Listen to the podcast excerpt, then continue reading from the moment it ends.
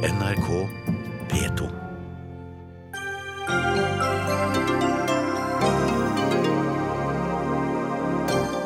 Harde ord har falt mellom politiske samarbeidspartnere denne uka. Hvem skal egentlig samarbeide på borgerlig side?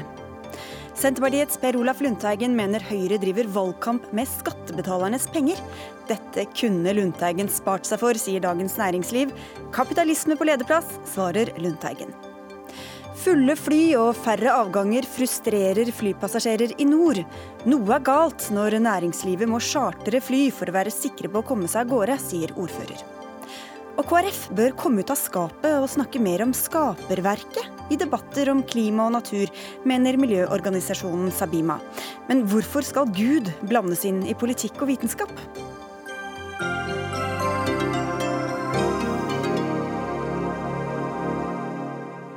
Du lytter til NRK P2 eller ser på NRK2, og dette er Dagsnytt 18 med Sigrid Solund i studio. Vi vet at valgkampen er godt i gang når det går så hett for seg som det har gjort denne uka. Sylvi Listhaug har sagt at Knut Arild Hareide sleiker imamer oppover ryggen. KrF holder seg vekke fra felles valgkamparrangementet med Frp, Høyre og Venstre. Og Erna Solberg har forsøkt å roe ned det hele ved å ta avstand fra uttalelser og publisere en vennskapelig SMS-utveksling mellom seg og Hareide.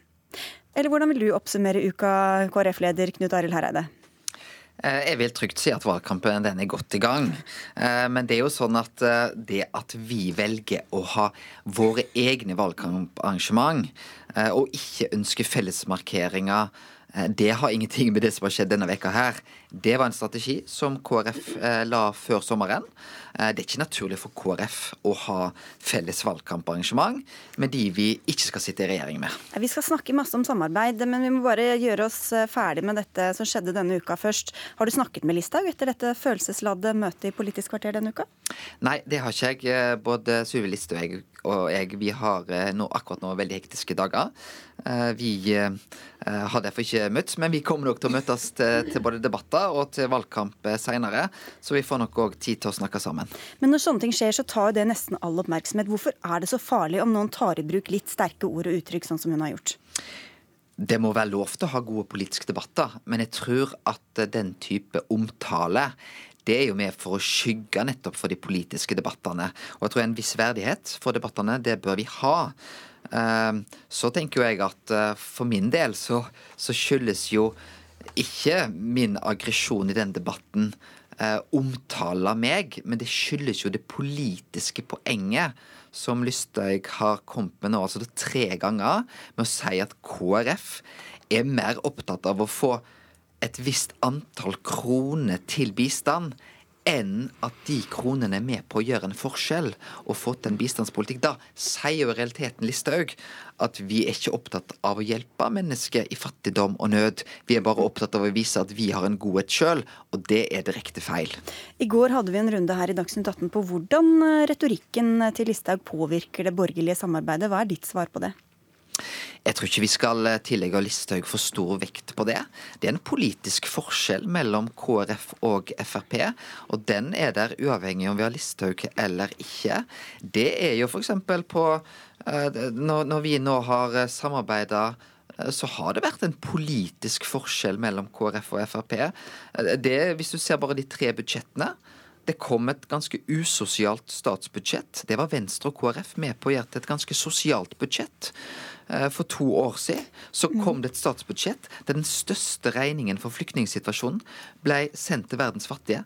Det endra Venstre og KrF. Og i høst så gjorde vi dette budsjettet til det mest miljøvennlige gjennom tidene. Vi skal snakke om samarbeid, sa jeg, men vi må kvittere ut med deg også, Trine Skei Grande. Du er leder i Venstre og er med fra Øyafestivalen i Oslo, hvor du jobber som frivillig noen timer. Hva synes du om uttalelsene som falt denne uka?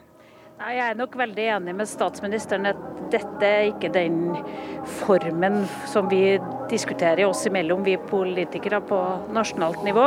Vi, vi må prøve å ikke være sånn som kommentarfeltene er eh, på mange sosiale medier. Og vi må prøve å ikke bruke de ordene som brukes, eh, og som vi tar avstand for til daglig. Så det eh, syns jeg ingenting om, og det avsporer ofte debatten bort fra saker, bort fra det som er enighet enigheter og uenigheter som jeg mener at valgkampen bør handle om. Jeg håper jo at det blir mye mer snakk om skole, småbedrifter, alle de sakene som man vet at vi driver valgkamp på å få fram. Eh, for jeg tror faktisk at det er det folk syns er interessant å få med seg, og det er det som avgjør hva de skal stemme. Det som også skjer når sånne ting oppstår, Hareide, er jo at det blir veldig lett for motstanderne å snakke om borgerlig kaos. For fire år siden gikk dere inn i en samarbeidsavtale med Fremskrittspartiet. Nå ønsker dere ikke å gjøre det etter valget. Hva har skjedd i løpet av disse fire årene som gjør at dere er mindre lystne på et samarbeid nå enn dere var for fire år siden? Altså, Kristelig Folkeparti vi går til valg eh, på å få til en sentrum-høyre-regjering.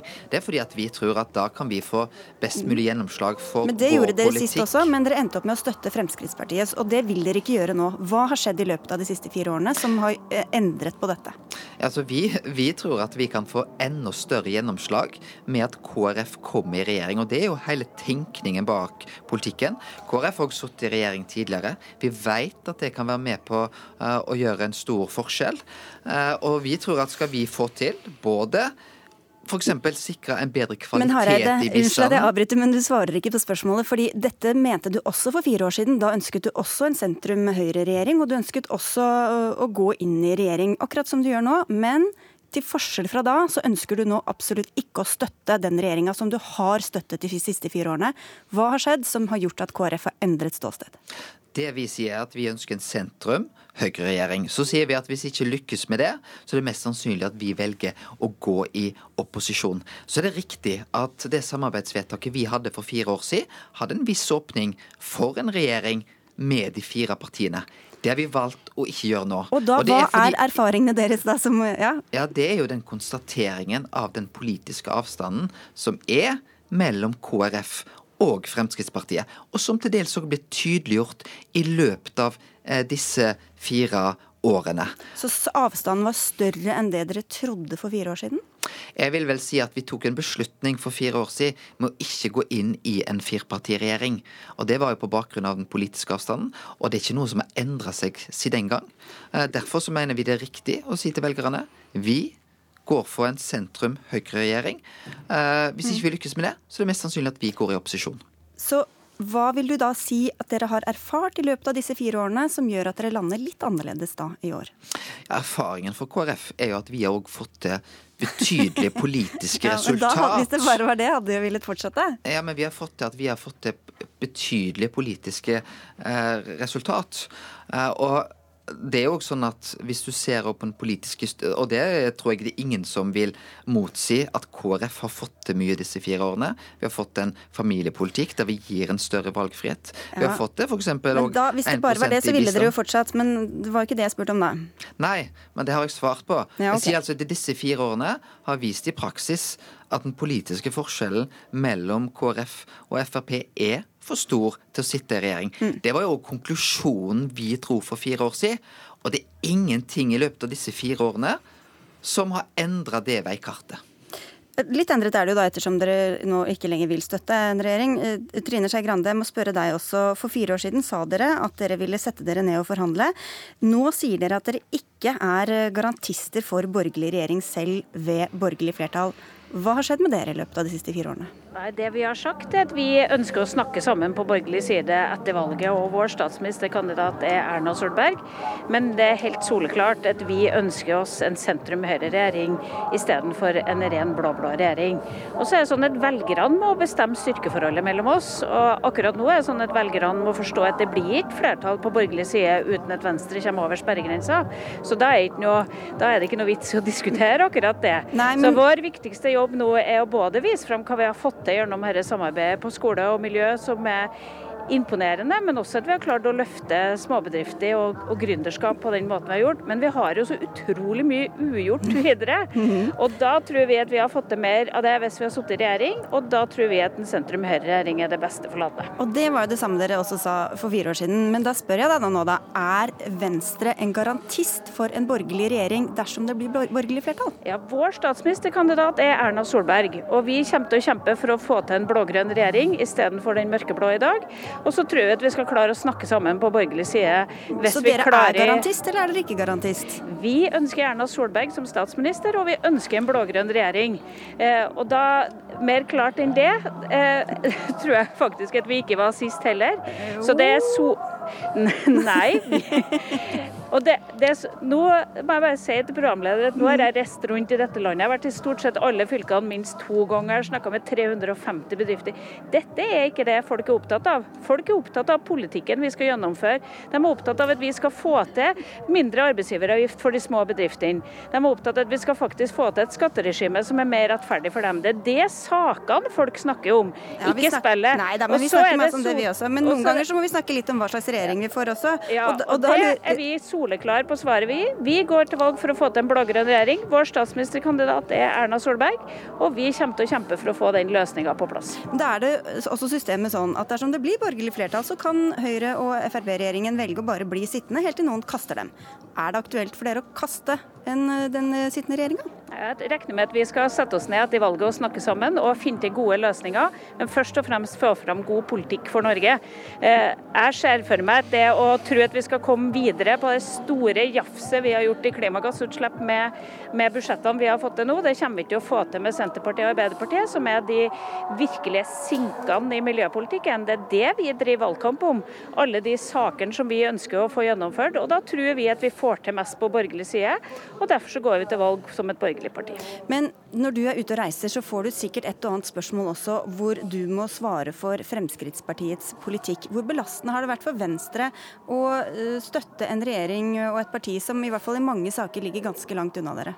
Ja, nå er det sånn i, i valget Du må ofte samarbeide ganske bredt politisk for å klare å få vedtak, flertall for, for sakene dine. Og Det er et forholdsvis stort sprik mellom SV og Senterpartiet også på den andre sida. Det er et stort sprik mellom ja, et miljøparti som Støre ikke vil styre med, men som desperat har lyst til å sette inn Støre. Du ser det i, i hele det politiske spekteret. Men det folk må stemme på, er jo de partiene de er mest enig med, og som sier klart hvilken statsministerkandidat de har. Og Venstre kommer til å kjøre valgkamp på sakene våre, og vi kommer til å være klar på at vår statsministerkandidat er Erna Solberg. Hareide, dette spørsmålet jeg stilte om om det var aktuelt å kaste en, en mindretallsregjering som sitter, jeg får stille deg det samme spørsmålet. Altså, Vi går til valg for å lykkes med det vi går til valg på, og vi ønsker en sentrum-høyre-regjering. Ja, og, og, og da skal ikke vi gå inn i alle eventualiteter i etterkant av det, men det må og det tror jeg hvert parti er avhengig av. Det må være en viss troverdighet i det du sier før et valg, og det du gjør etter et valg. Det må være en sammenheng mellom det. Så det er òg en forpliktelse når vi sier at vi ønsker en sentrum-høyre-regjering. Og der er jo naturlig nok Erna Solberg den naturlige statsministeren. Mm, så det betyr at dere kan komme til å kaste en sånn regjering, da? Vi går til valg for å få en sentrum-høyre-regjering. eh, og da er det naturlig at hvis det skal finne sted, så er det jo naturlig at det, den regjeringa som i dag er der, vil jo da naturlig nok ønske vi å bytte ut med en sentrum-høyre-regjering. Du, eh, du, du, nevnte disse, eller vi nevnte disse SMS-ene som, som, statsministeren la ut mellom deg og Erna Solberg. Hvem sin idé var det? Du, det var en, en god idé. som kom fra? en god kommunikasjon mellom meg og Sigbjørn Aanes. Som er altså statssekretæren til Erna Solberg. Men dere hadde vel avklart litt på forhånd hva dere skulle skrive i disse SMS-ene før de ble publisert?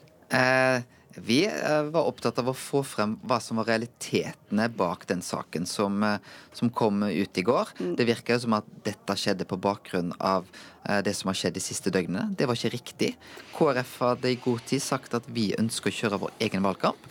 Og skal vi kjøre valgkamparrangement, så er det naturlig at vi gjør det med de vi ønsker å komme i regjering med. Men det var avtalt før det ble offentliggjort? Det var en viss regi av det. Ja, jeg skjønner. Trine Skei Grande, hvem vinner, tror du, på alt dette støyet som har vært nå? Nei, Jeg håper jo at vi begynner å komme tilbake til sakene, men ikke det er velgerne som taper når det er bare spillet som blir fokus på. Så jeg merker jo at det, det å Jeg vil veldig gjerne at vi begynner å diskutere saker igjen. Og jeg har hatt pressekonferanse med Jeg begynte på hele valgkampen med å ha et felles utspill med Audun Lysbakken om Lofoten og Vesterålen og Senja og stoppe oljeboring der, fordi at vi er enige i den saken. Selv om jeg er ganske sikker på at SV og Venstre ikke blir sittende i samme regjering. Så jeg kommer til å kjøre samarbeid med de partiene der jeg deler synet med dem. Jeg har gjort en ting med Høyre i dag om plast i havet, og jeg kommer til å samarbeide med hvert parti som er villig til å kjempe for Venstre sine saker. Jeg kan berolige deg med at din partikollega Sveinung Rotevatn kom litt senere i, sendinga for å snakke i rein sak. Men eh, helt avslutningsvis med deg også, Hareide. Du sa du hadde vært aggressiv tidligere i uka. Er det noe du kunne gjort annerledes, da? Nei, jeg opplevde at det, jeg forsto veldig godt min aggresjon ut ifra at KrF ble anklaga for at vi var mer opptatt av hva bevilgning som kom til bistand, enn at det reelt sett virker. Da syns jeg at det og dette hadde altså skjedd for tredje gang i løpet av Skjønner. kort tid. Da hadde jeg behov for å si dette er løgn, og de ordene står jeg fullt og helt for. Vi eh, får si takk til dere og gå over til eh, først til deg, Frøy Gudbrandsen. Du er politisk redaktør i Bergens Tidende og sitter sammen med Hareide i Bergen. Hvor overlagt vil du si at alt dette som har skjedd har vært nå fra Listhaug og Hareide og andre denne uka? Nei, altså jeg mistenker jo I en valgkamp så mistenker jeg egentlig at alt er overlagt. Eh, Men det er klart at man kan jo kanskje la seg rive med lite grann når, eh, ja, når eh, påstandene blir litt drøye og, og sånn. Men er- jeg tenker at det er både Hareide og Listhaug har jo en del å tjene på en sånn liten disputt. Ja, Berit Aalborg, du er politisk redaktør i Vårt Land. Hvordan vil du oppsummere alt dette sett fra et KrF-ståsted? Altså, jeg tror nok at Fra deres perspektiv så tror jeg dette har vært en relativt god uke. For det første så har de vært i, i en skyteskive for Listhaug, og det tror jeg nå de opplever at er ikke så ugunstig. Og for det andre så har de jo kjørt veldig mye tøffe offensive liksom, utspill selv. De har i NRK kjørt dette distriktskravene sine, i Vårt Land har de kjørt samarbeidskrav, og de har kjørt mye mot Listhaug. Så jeg tror nok at de opplever at dette er planlagt, og mye av det er det, og jeg tror de er ganske fornøyde. Og så kan man alltid være usikker på hvordan dette slår ut, går de for hardt ut og ikke. Men jeg tror nok KrF er fornøyd, og det tror jeg nok en del i Frp er også, selv om der tror jeg nok det er litt mer variert, egentlig. Hvem er det som ikke har grunn til å være fornøyd, Gudbrandsen? Hvem er det som taper på all denne uroen? Nei, altså, det er Bortsett fra velgerne, som vi hørte Trine Skei Grande si. Nei, det er klart, det er jo det argumentet med at, at bråk på borgerlig side at det kan være negativt for borgerlig side sånn uh, generelt. Men uh, jeg tenker at uh, de som er med i diskusjonen, det er jo de som vinner. Og det er jo det som er liksom, det gode for KrF nå. At de er liksom med i den eh, verdidebatten, og at ikke eh, Frp liksom tar hegemoniet på den eh, verdidebatten som har vært eh, på seinsommeren.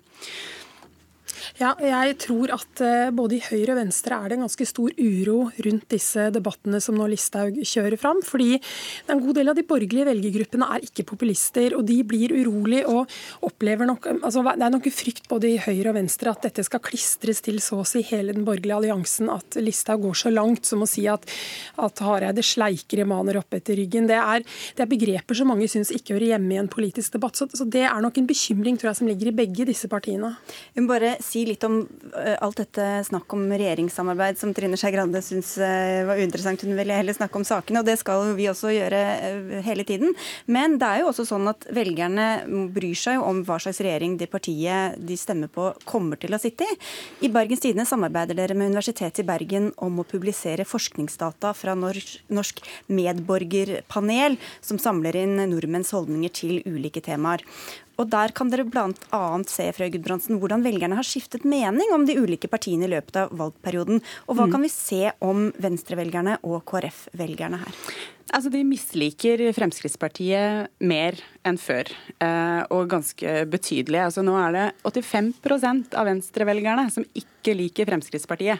Og 72% av dem som stemte KrF sist, de liker ikke Fremskrittspartiet.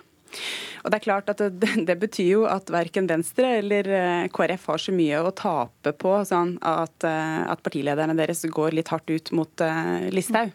Uh, men det er klart det skaper en ganske komplisert situasjon uh, når det gjelder regjeringssamarbeid. og Derfor så tenker jeg at når partilederne sier at det er vanskelig å gå i regjering med Fremskrittspartiet, så har de liksom en fulle, full ryggdekning fra velgerne sine. Da. Noe annet ville faktisk, tror jeg, gjort dem mer upopulære blant velgerne.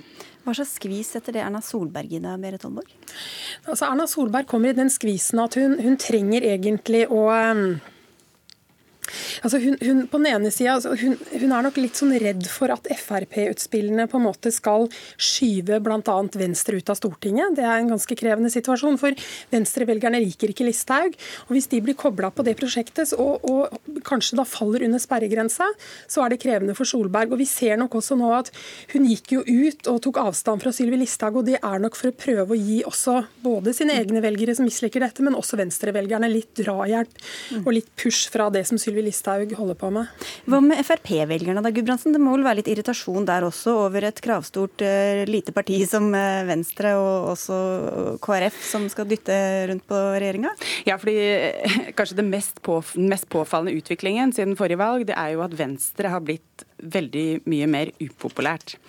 Og det gjelder ikke minst i Fremskrittspartiet. Sånn at her har vi en situasjon der egentlig alle på borgerlig side liker Høyre.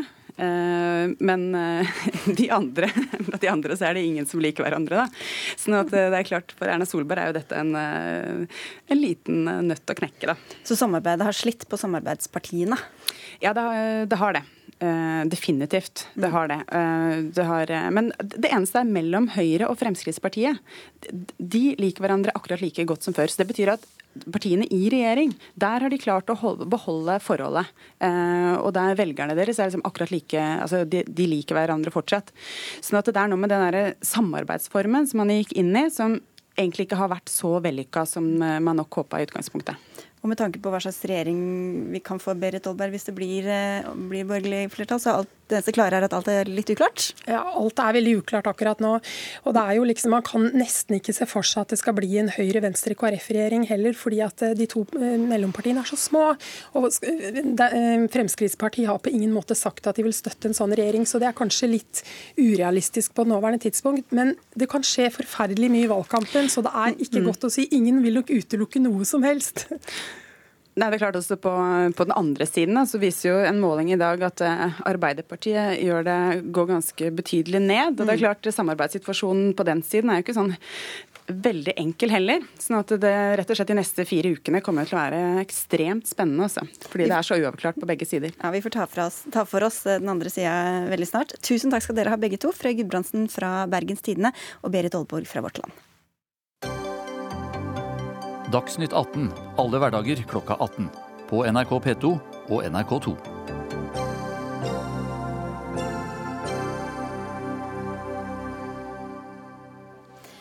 Et regjeringsbesøk til Vestlandet har satt sinnene i kok i Senterpartiet. 1.8 lovte nemlig kommunal- og moderniseringsminister Jan Tore Sanner å gi Volda 4 millioner kroner fra Infrastrukturfondet.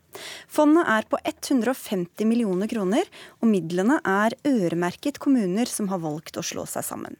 Dette får deg i Klassekampen til å sammenligne statsråden med en julenisse på toktet, Per Olaf Lundteigen, du er stortingsrepresentant for Senterpartiet. Hvorfor er du kritisk til at regjeringa gjør det Stortinget har sagt den skal gjøre?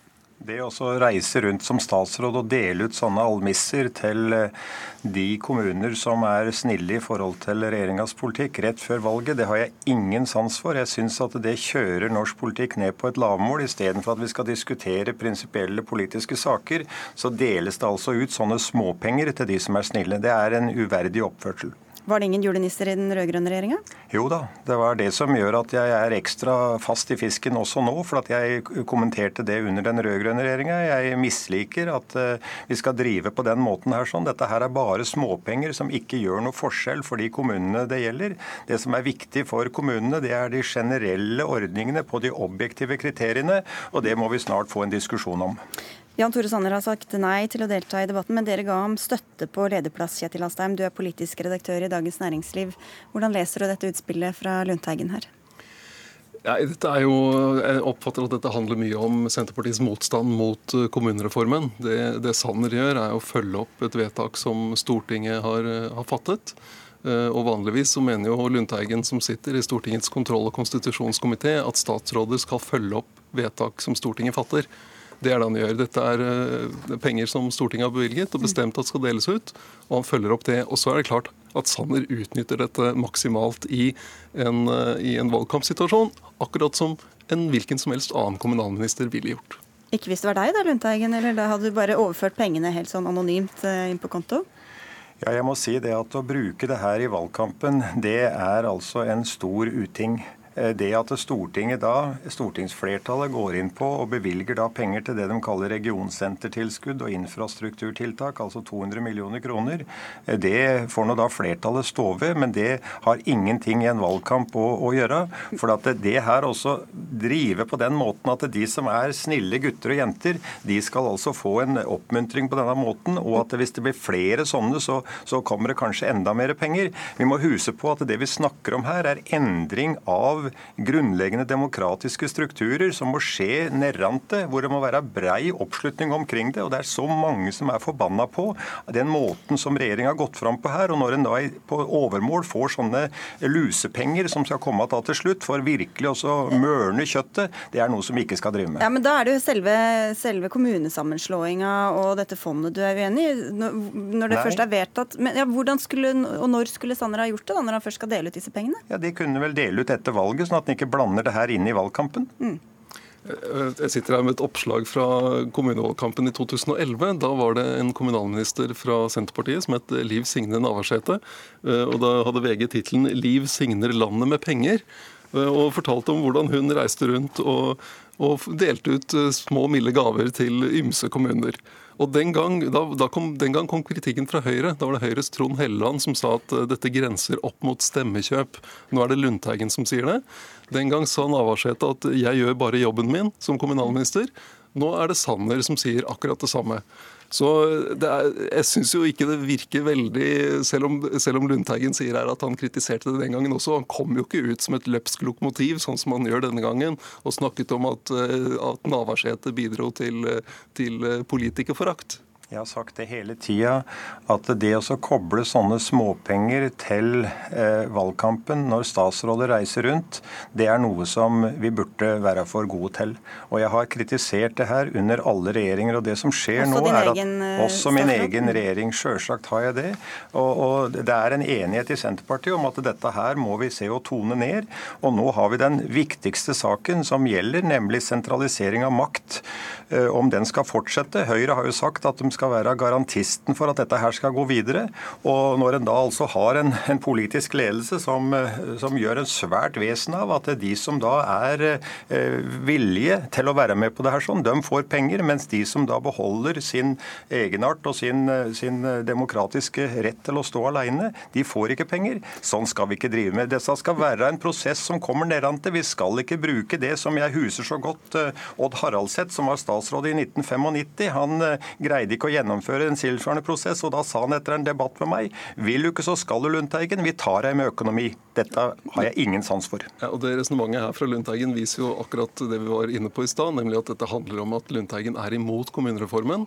Eh, men den reformen er vedtatt av et flertall på Stortinget, og de, den støtteordningen som eh, det handler om her, er vedtatt av et flertall på Stortinget. Så hvis man har respekt for Stortinget og flertallet som er der, og det folkestyret vi har, så er det jo helt greit å dele ut disse pengene.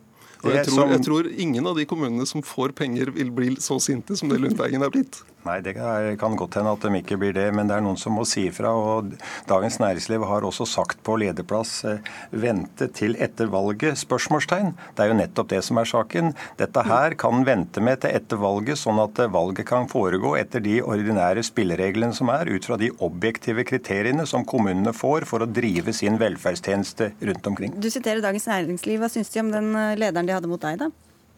Lederen mot meg? Nei, men den er jo helt klassisk. Altså Hvis jeg får ledere mot meg i Dagens Næringsliv, så er jeg jo på rett kurs. Jeg er ganske sikker på at uh, hvis det blir et regjeringsskifte nå etter valget, og, om, og det om to år er uh, da en kommunal- og moderniseringsminister fra Senterpartiet, eller en kommunalminister blir det da, fra Senterpartiet, så vil vedkommende gjøre akkurat det samme hvis de har noen budsjettmidler som skal deles ut. Men er det riktig å gjøre det, da? Jeg, jeg, Altså det, det, er, det, jeg synes det kommer litt an på uh, Vi har sett et eksempel nå i sommer på det som ikke er riktig å gjøre, som vi har skrevet en del om i Dagens Næringsliv, nemlig at uh, helseminister Bent Høie og kulturminister Linda Hofstad Helleland var ute og, og, ga en gave på inntil 15 millioner fra lottomidlene til uh, Den norske turistforening. Og Det gjorde de før Stortinget har fått saken til behandling, og før Stortinget har fått gjort de nødvendige vedtakene. Det mener jeg er helt feil. For det, da, du, da, da, viser de ikke respekt for Stortinget. Men å utnytte tidspunktet litt, det er greit? Ja, altså, de pengene skal jo deles ut. og er, eh, Vanligvis så vil jo ikke Lundteigen argumentere for at man skal vente lengst mulig med å dele ut penger som skal til kommunene. Han vil jo ha pengene så fort som mulig ut i alle kommunekasser. Ja, sjølsagt skal det det, men det som er det viktige her, er jo hva slags økonomiske ordninger som gjelder for kommunene generelt. Og Det som den nye regjeringa må ta fatt i, er jo å gi da kommuner, store og små, en økonomisk eh, rammefinansiering som gjør at de kan fylle rollene sine. Det er veldig sentralt for at vi bl.a. Mm. skal omgjøre de sammenslåinger hvor kommunene sjøl eh, ønsker det, etter at vi får regjeringsmakt, noe som vi arbeider intenst for. Ja, du vet hva, Nå er du nesten over i neste sak, hvor du også skal være med, så vi får bare si tusen Tusen takk til deg, Kjetil Alstaheim fra Dagens Næringsliv, for at du tok deg tid.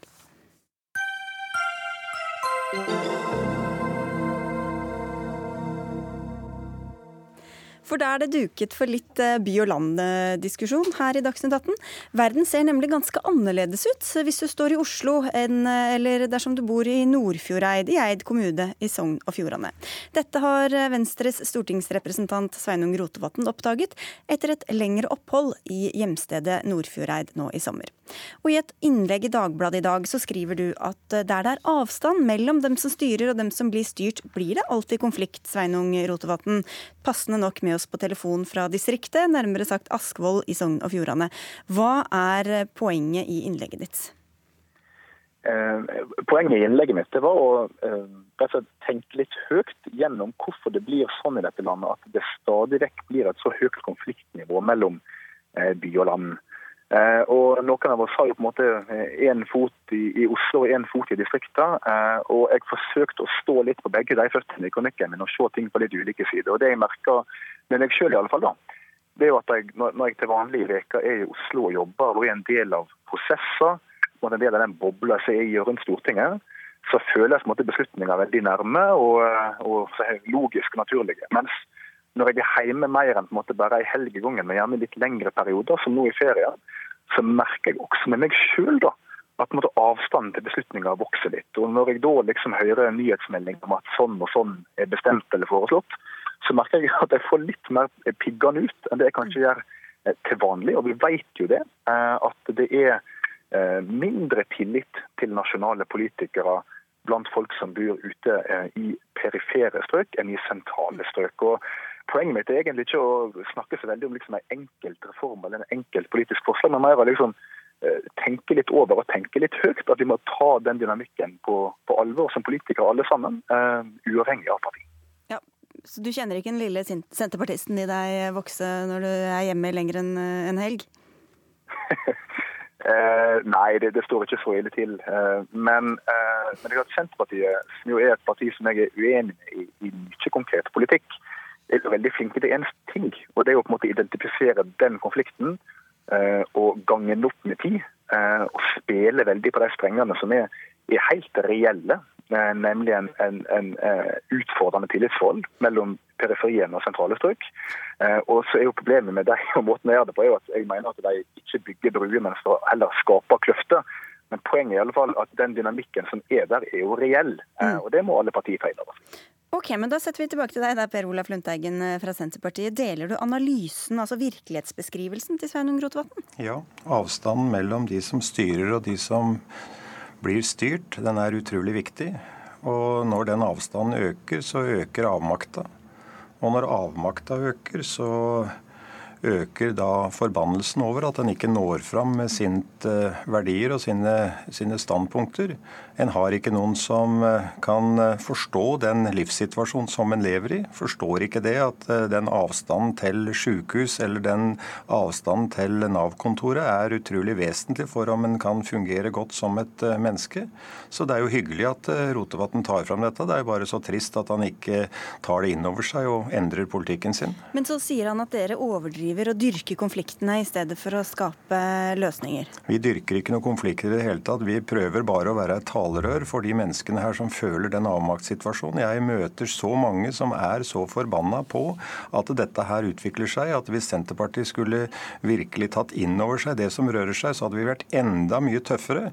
Og jeg kan bare love det at et Senterparti framover må være tru mot de her menneskene som, som føler denne situasjonen. fordi at det er ingen andre partier på Stortinget i dag som har eh, kraft i seg til å representere det her verdigrunnlaget. Rotevatn, dere deler virkelighetsbeskrivelse, i hvert fall på langt, eh, langt på vei. Hvor er det dere skiller ad, da?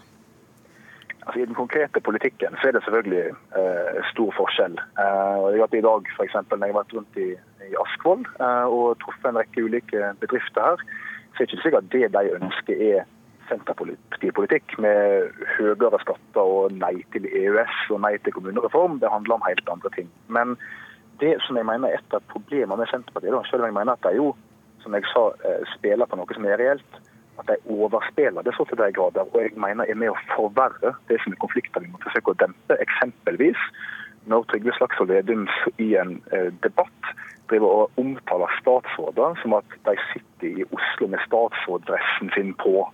Ikke sant? Altså, Da Slagsvold Vedum selv var statsråd, slapp han også i Oslo med statsråddressen sin på. Det er ikke så veldig mange andre alternativ som statsråd. Men det er på en måte en måte å karakterisere meningsmotstandere på, der en spiller voldsomt på de strengene. Og jeg tror at dersom vi skal lykkes det fremover, så må vi klare å bygge ned konflikter mellom by og land, ikke å forsterke dem. Og det mener jeg vi har et ansvar for. Eh, å gjøre nettopp det, og ikke på en måte spille rått på det så lenge en er i opposisjon, og så blir en del av nøyaktig det systemet i posisjon. Gjør dere det, Lundteigen? Spiller dere på disse fordommene eller den eh, følte avstanden mellom by og land? Det skal jeg love at vi ikke gjør, for det vi bare gjør er å representere de menneskene som altså føler denne avmakten. Og Det er jo ingenting som hadde vært mer gledelig om at Venstre kunne vært med på å redusere konfliktene. Det ville jo betydd det samme, at vi da skulle gi et likeverdig velferdstilbud rundt omkring i det ganske land. At vi skulle gi større muligheter for attraktive arbeidsplasser for ungdom i det ganske land. Altså Når jeg reiser rundt i dette langstrakte landet vårt og ser hva som skjer med f.eks. boligpriser ute i distriktene så kan du bygge et hus til kanskje tre millioner, og hvis du da må gå fra hverandre og greier ikke det huset, etter fem år så er det verdt da kanskje to og en halv million. Du har tapt penger. I sentra så er det stikk motsatte. Det er så mye å ta fatt i. Ubalansen mellom sentrum og periferi er så enorm, så det trengs jo et krafttak i økonomiske distriktspolitiske virkemidler som gir altså en likeverdighet. Og det skal men, Senterpartiet være kraften i, det skal jeg virkelig love dere. Men en sånn type retorikk som Rotevatn viste til. Vil du si at det er med på å øke avstanden, eller minske den? Det som uh, han refererer til her med de her dressene, mm. det er et eksempel på at det er dessverre for få politiske ledere i dag som har yrkeserfaring ifra de alminnelige yrkene. Men øker det eller minker det avstanden? Det, avstand? det er en rimelig presis beskrivelse av det som folk føler. Det er altfor mange statsråder i dag som ikke ikke har vært ute i arbeidslivet og kjent virkeligheten på, på, kroppen. Det er det Senterpartiet prøver å få fram. Og jeg vil appellere til velgerne at de nå tenker på hvilke erfaringer de menneskene har som en sender inn på Stortinget, for det har utrolig stor betydning for hvilken jobb de gjør. Ja, Rotevatn. Altså, nå sitter jo jeg og Per Olaf i komité sammen, og jeg kan nok bekrefte for lytterne at også han sitter i Oslo og går i dress hver eneste dag. Men poenget er at det har ingenting med saken å gjøre vi må klare å diskutere saken. Men én eh, ting er på en analysen av situasjonen. Eh, I, i kronikken min i Dagbladet så peker jeg også på noe jeg tror må være løsninger framover for å klare å dempe den konflikten mellom by og land.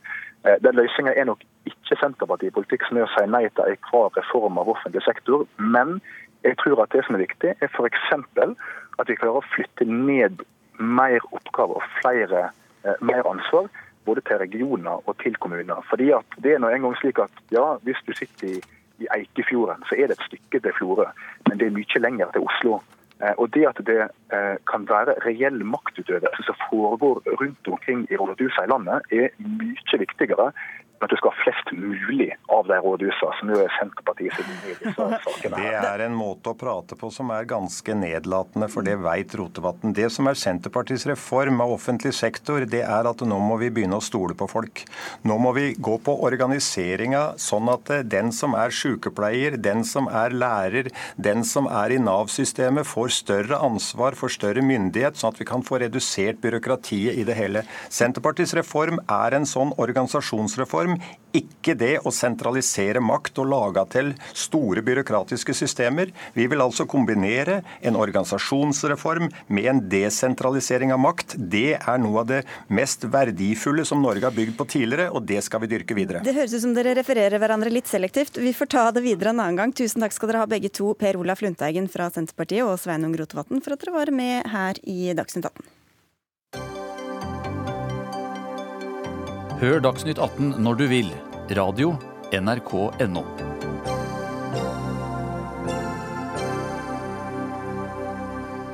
Og vi skal faktisk fra det ene distriktet til det andre, for folk i nord er fly forbanna etter at nye krav har ført til fulle fly og færre flyavganger. Da staten i fjor lyste ut ny anbudskonkurranse for flyrutene på kortbanenettet, lempet de nemlig på kravene. Dermed trenger ikke Widerøe lenger ha like mange avganger i uka i deler av Nord-Norge og Nord-Trøndelag. Amund Hellesø, du er ordfører for Arbeiderpartiet i Vikna kommune i Nord-Trøndelag. Hvordan har rutetilbudet fra Rørvik, som er nærmeste flyplass for dere, endret seg etter at regjeringa har lempet på disse kravene? Nei, Til oss har vi jo fått ti avganger mindre i vekka, eh, og ikke minst dårligere rutetidspunkt. Uh, og det, det, gjør jo at, uh, det gjør jo at uh, det er ekstremt fulle fly. Og vi har måttet nå i vår bestilt fly, flyruter i ja, to-tre uker i forveien for å være sikker på at du skal ut og reise. Og det er lite fleksibelt for næringslivet, som er i stor vekst. Tom Cato Karlsen, du er statssekretær i Samferdselsdepartementet. Var det dette dere så for dere da dere endret systemet? Du kan si at En ting med Rørvik er at man har eh, satt ned minimumskravet til antall avganger per uke. Men vi har også økt antallet seter som skal leveres på den ruta. Tidligere var det krav om 21 000 seter i året, nå er det 27 000 seter. Så det er altså 6000 flere flyseter som skal leveres hvert år av Widerøe. Hvorfor får det sånne konsekvenser da, eller utslag? Eh, det er nok eh, en kombinasjon av flere ting. Både at, eh, at, det kan være andre avgangstider og det kan være mindre fly. Men jeg tror nesten det er Widerøe som er de som er best til å forklare hvorfor de endringene er blitt sånn som de er blitt. Vi ser jo det at det de sammenligner med nå som ordfører nevner, at man har fått ti avganger mindre per uke, da sammenligner man med et tilbud man hadde før, der Widerøe leverte flere avganger per uke enn det som var kravet i, i, det anbudet. Men hva var poenget vi skal slippe til videre også, hva var poenget med øh, denne endringa i utgangspunktet? Den endringa som ble gjort der man tidligere hadde et krav om antall seter som skulle leveres hver uke, så endra vi dette til antall seter som skulle leveres per år. Nettopp for å få et bedre rutetilbud rundt omkring i distriktene, der flyselskapene kunne bygge opp et tilbud som var tilpassa den etterspørselen som de kjente til i, i distriktene. Hellesø, bare, ja, først dette med at det, er, at det er blitt mange flere, sier de her fra samferdselsministerens hold. Ja, altså Det er jo helt riktig det at det er kravet i anbudsdokumentet var, at, uh, var økt fra 21 til 27 000. Men det er klart at når den ruta går fra Værnes klokka 06.00 om morgenen og opp til Rørvik, så er det ikke så veldig mange som tar den ruta. og Det er faktisk 6000 seter per år. Så den reelle økninga av eh, plasser som vi har behov for, den er jo ikke til stede i hele tatt. Og Det går ikke an å gå vekk fra det at i den forrige perioden, når det var anbud, så var kravet til daglige ruter tur-retur eh, fra Rørvik-Trondheim. Fire daglige ruter tur-retur mandag til fredag, og minst fire i eh, samla lørdag og søndag. Mens det nå, i siste runde, så var de samme kravene to daglige avganger i begge retninger, og to da samla lørdag og søndag. Så det er jo klart at jeg har jo full forståelse for da at tilbudet blir svekka. Mm. Men, eh, men, eh, det er jo feil måte å gå inn i framtida på, det er jo ikke noe tvil om det. Vi får høre med videre, da. Stein Nilsen, du er administrerende direktør. Hvorfor setter dere opp ruter på sånne tidspunkter, og, eller hvorfor får det sånne utslag som vi hører om her? Rollefordelinga mellom oss og Samferdselsdepartementet er jo ganske klar. Det er jo departementet som legger det rutetilbudet som skal være ute på dette anbudsnettet. Så det er vår rolle som operatør å, å levere det som, som Samferdselsdepartementet har bestilt. og Det gjør vi etter beste evne. Men det er vel ikke de som setter opp når dere skal fly og Nei, hvor? det er det for så vidt ikke. Men det som har vært situasjonen historisk, det er jo at der det har vært svakheter i anbudet, så har Widerøe på egen risikoregning gått inn og, og supplert anbudet til departementet på de strekningene der det har vært store huller. Men det som har skjedd de to-tre siste årene i den øvrige kommersielle virksomheten til Widerøe, det er at man har økt avgiftene på flyreiser med 50-60 Sånn at den økonomiske handlingsrommet som Widerøe har til å gå inn nå og løse denne type problemer i selve anbudsnettet, er nesten borte. Sånn at eh, hele utviklinga i dette kol viktige kollektivtrafikksystemet ute i distriktene har dessverre gått i helt feil retning. Og Da er ballen tilbake hos deg, Karlsen. Ja, altså, det er jo sånn at eh, Man har noe som heter startavgiften. Dette er kanskje litt feil å kalle det en, en avgift, i og med at dette er den betalinga som flyselskapene betaler til Avinor for å benytte seg av de tjenestene som Avinor leverer. Der var det tidligere et bunnfradrag som eh, flyselskap med små fly eh, nøt betydelig større gunst av enn store flyselskap, altså flyselskap med store fly.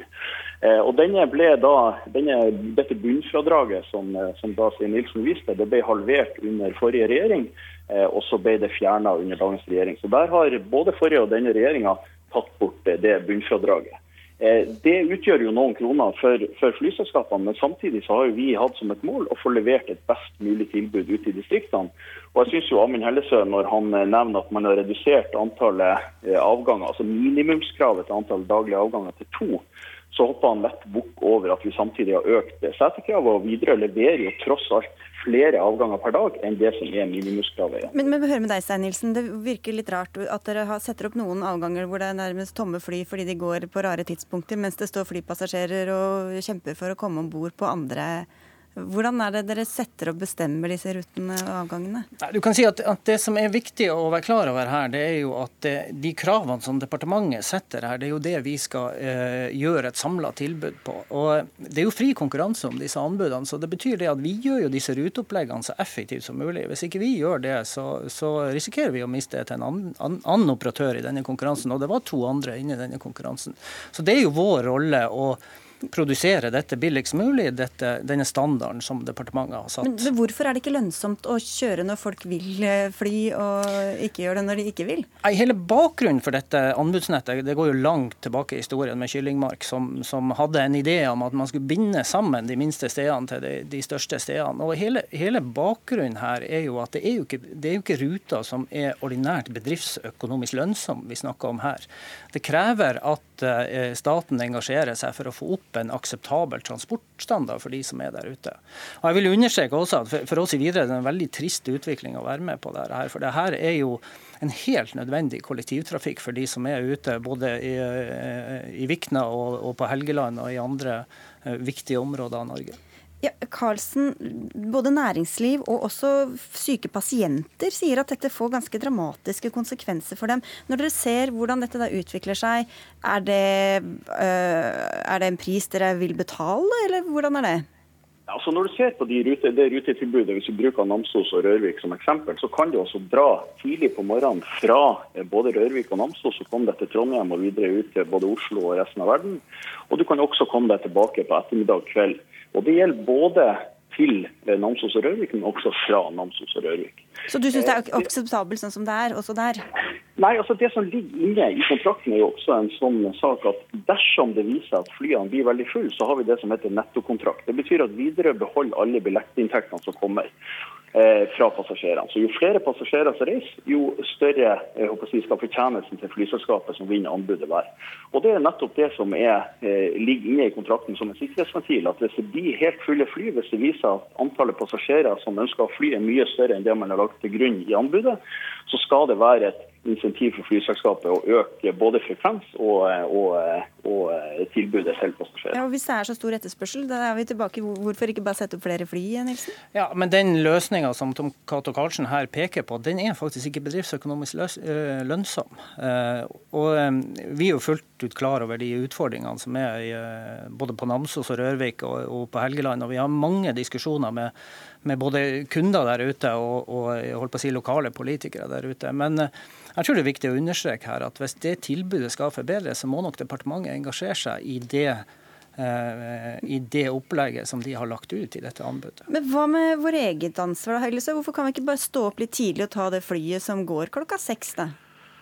Nei, altså, det, det, og Vi har ikke hatt noe problem fra Ytternamdalen å reise, reise til, til, Trondheim om flyet har gått fra Rørvik klokka seks. Det som er saken er at det er fly som kommer fra Trondheim og til Rørvik vi snakker om. og Da er det ingen andre fly som korresponderer med det klokka seks. Så du kan si at å komme seg fra Oslo og opp til Rørvik eh, på morgenen, det er jo håpløst. Eh, for at eh, flyet går klokka seks fra Værnes, og da får næringslivet et døgn ekstra på hotell. Og Jeg er jo fascinert over at statssekretæren kan si at vi må være glad for at vi kommer oss til Oslo. Det skulle jo bare mangle i 2017 at du ikke skulle komme deg fra Namsos til Oslo i løpet av en dag. Og det er jo ikke sånn at de bare i stedet kan sette seg på en buss eller kjøre bil, eh, Tom Cato Karlsen? Nei, det er jo heller ikke sånn som ordføreren prøver å legge noen ord som jeg ikke har nevnt i det hele tatt. Jeg har ikke sagt at man skal være glad for at man kommer seg til Oslo, men det er altså lagt opp et rutetilbud som gjør at man skal ha muligheten til å komme seg til Oslo. Jeg reiser sjøl, pendler mellom Bodø og Oslo. Jeg må opp klokka halv fem om morgenen for å rekke flyet som går klokka seks. når jeg skal ned. Men her er det jo snakk sånn om at man må ta et ekstra hotelldøgn. Hvor lønnsomt og, lurt er det for ja, og, og, bedriftene? Og noen, pla noen, plasser er det sånn. Det er flere plasser, også lenger nord i Norge, der man faktisk må gjøre dette. Og dette har vært virkeligheten i veldig veldig mange år. Mm. Sånn at det, det, blir en, det, blir en, vurdering av hvor altså I dag bruker staten nesten 800 millioner per år for å sørge for at det er et, et flytilbud rundt omkring i distriktene. Man kunne, selvfølgelig ha gått, man kunne selvfølgelig ha gått inn og detaljregulert dette og sagt at det skal gå fly hver time osv., eh, men dette ville hatt en kostnad. Sånn at det blir en, en altså Anbudet er utformet sånn at man skal ha muligheten til å reise til og fra de områdene av landet som har behov for å reise med fly, pga. at det er langt å kjøre med bil. Da får vi spørre avslutnings... Ja, unnskyld. For... og, og, og, og, Vi sitter jo ikke i Oslo for å prøve å gjøre det vanskeligst mulig. Vi har jo selvfølgelig en ambisjon når dette anbudet blir lagt ut, om å gjøre det best mulig for de som bor i distriktet. Da vil avslutte med deg, da, eh, Stein Nilsen. Hva, hva, mener du må til for at dere skal ha avganger eh, som er litt mer tilpasset folks behov? Ja, Dette er en mer generell problemstilling. for jeg, jeg, jeg, jeg føler jo det at denne betydninga som dette kortbanenettet har som kollektivtransportmiddel, har eh, kommet litt i bakgrunnen de siste årene. Og jeg tror det er viktig å ha en prinsipiell politisk diskusjon, som selvfølgelig ikke vi deltar i som operatør, om hva man vil med dette nettet på, på lang sikt. For den store avgiftsøkninga man har gjort på den kommersielle delen, og samtidig at man har eh, redusert litt på kravene i, i, eh, på anbudssida, har jo gjort at tilbudet er ikke tilstrekkelig der ute i øyeblikket. Vi får ta den litt store veiven der en annen gang og si takk, eh, takk for denne gang. Klimagassutslippene gleder seg jo over dårligere avganger, da. Men takk til deg, Amund Hellesø fra Vikna kommune, til deg, statssekretær Tom Cato Karlsen, og til Stein Nilsen fra Videre.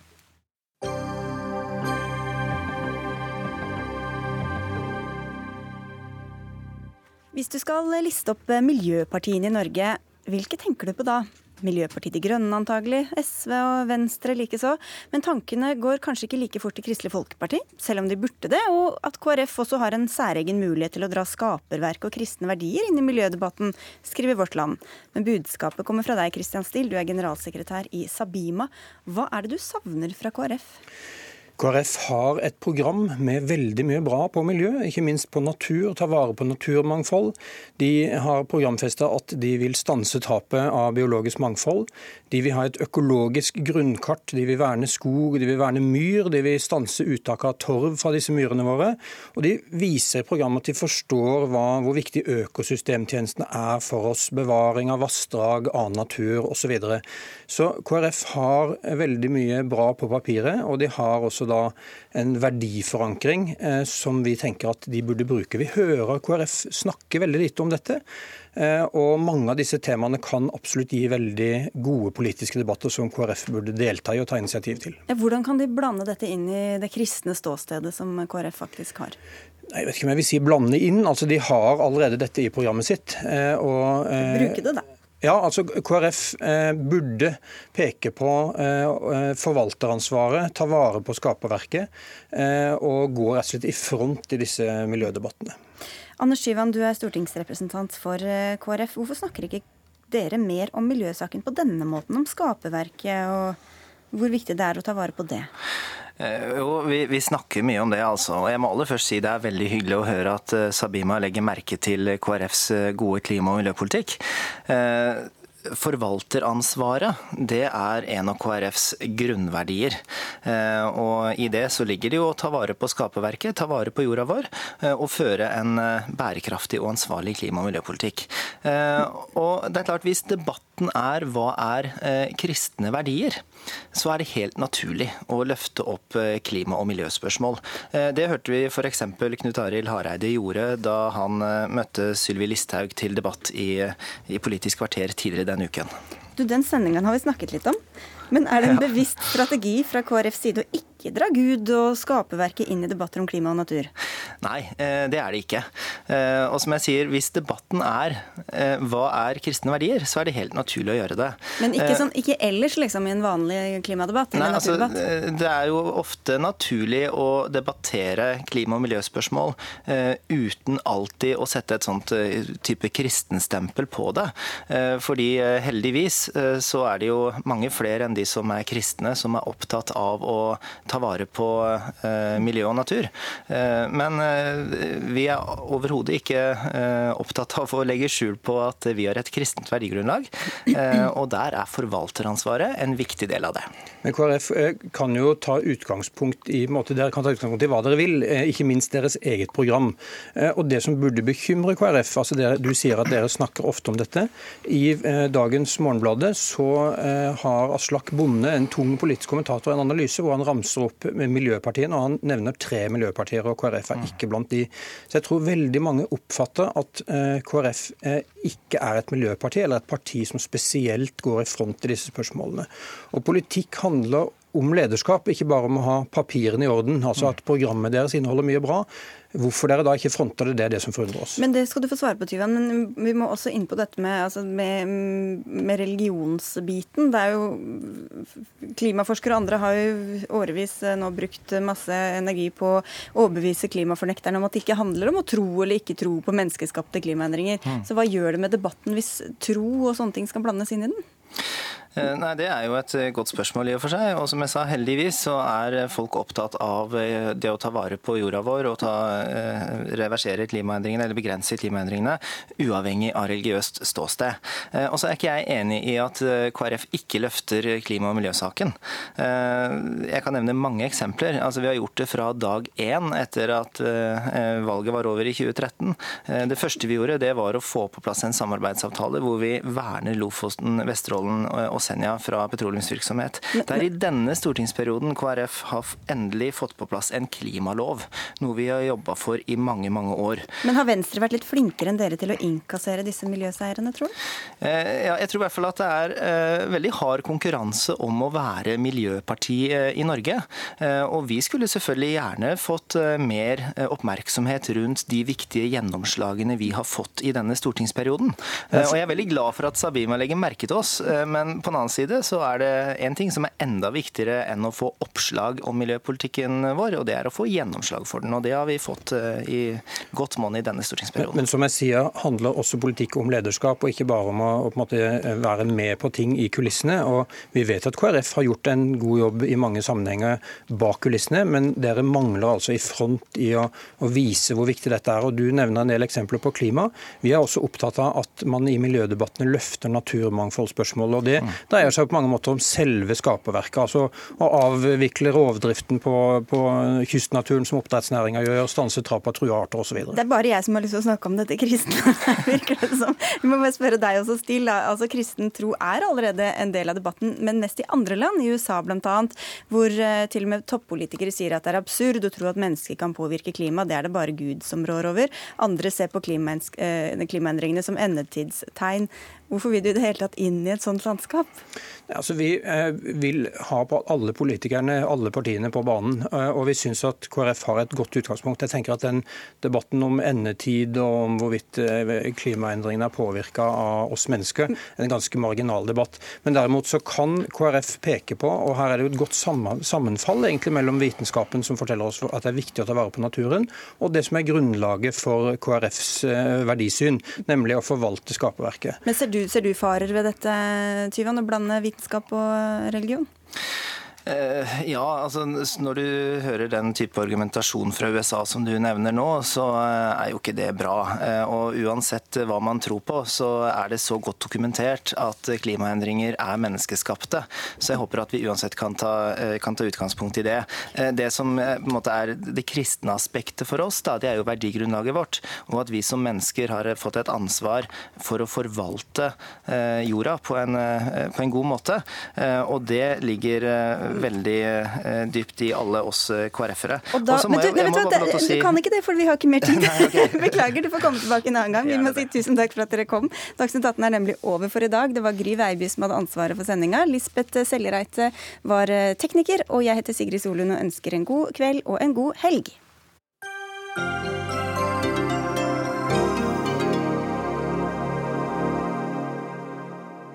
Hør flere podkaster på nrk.no podkast.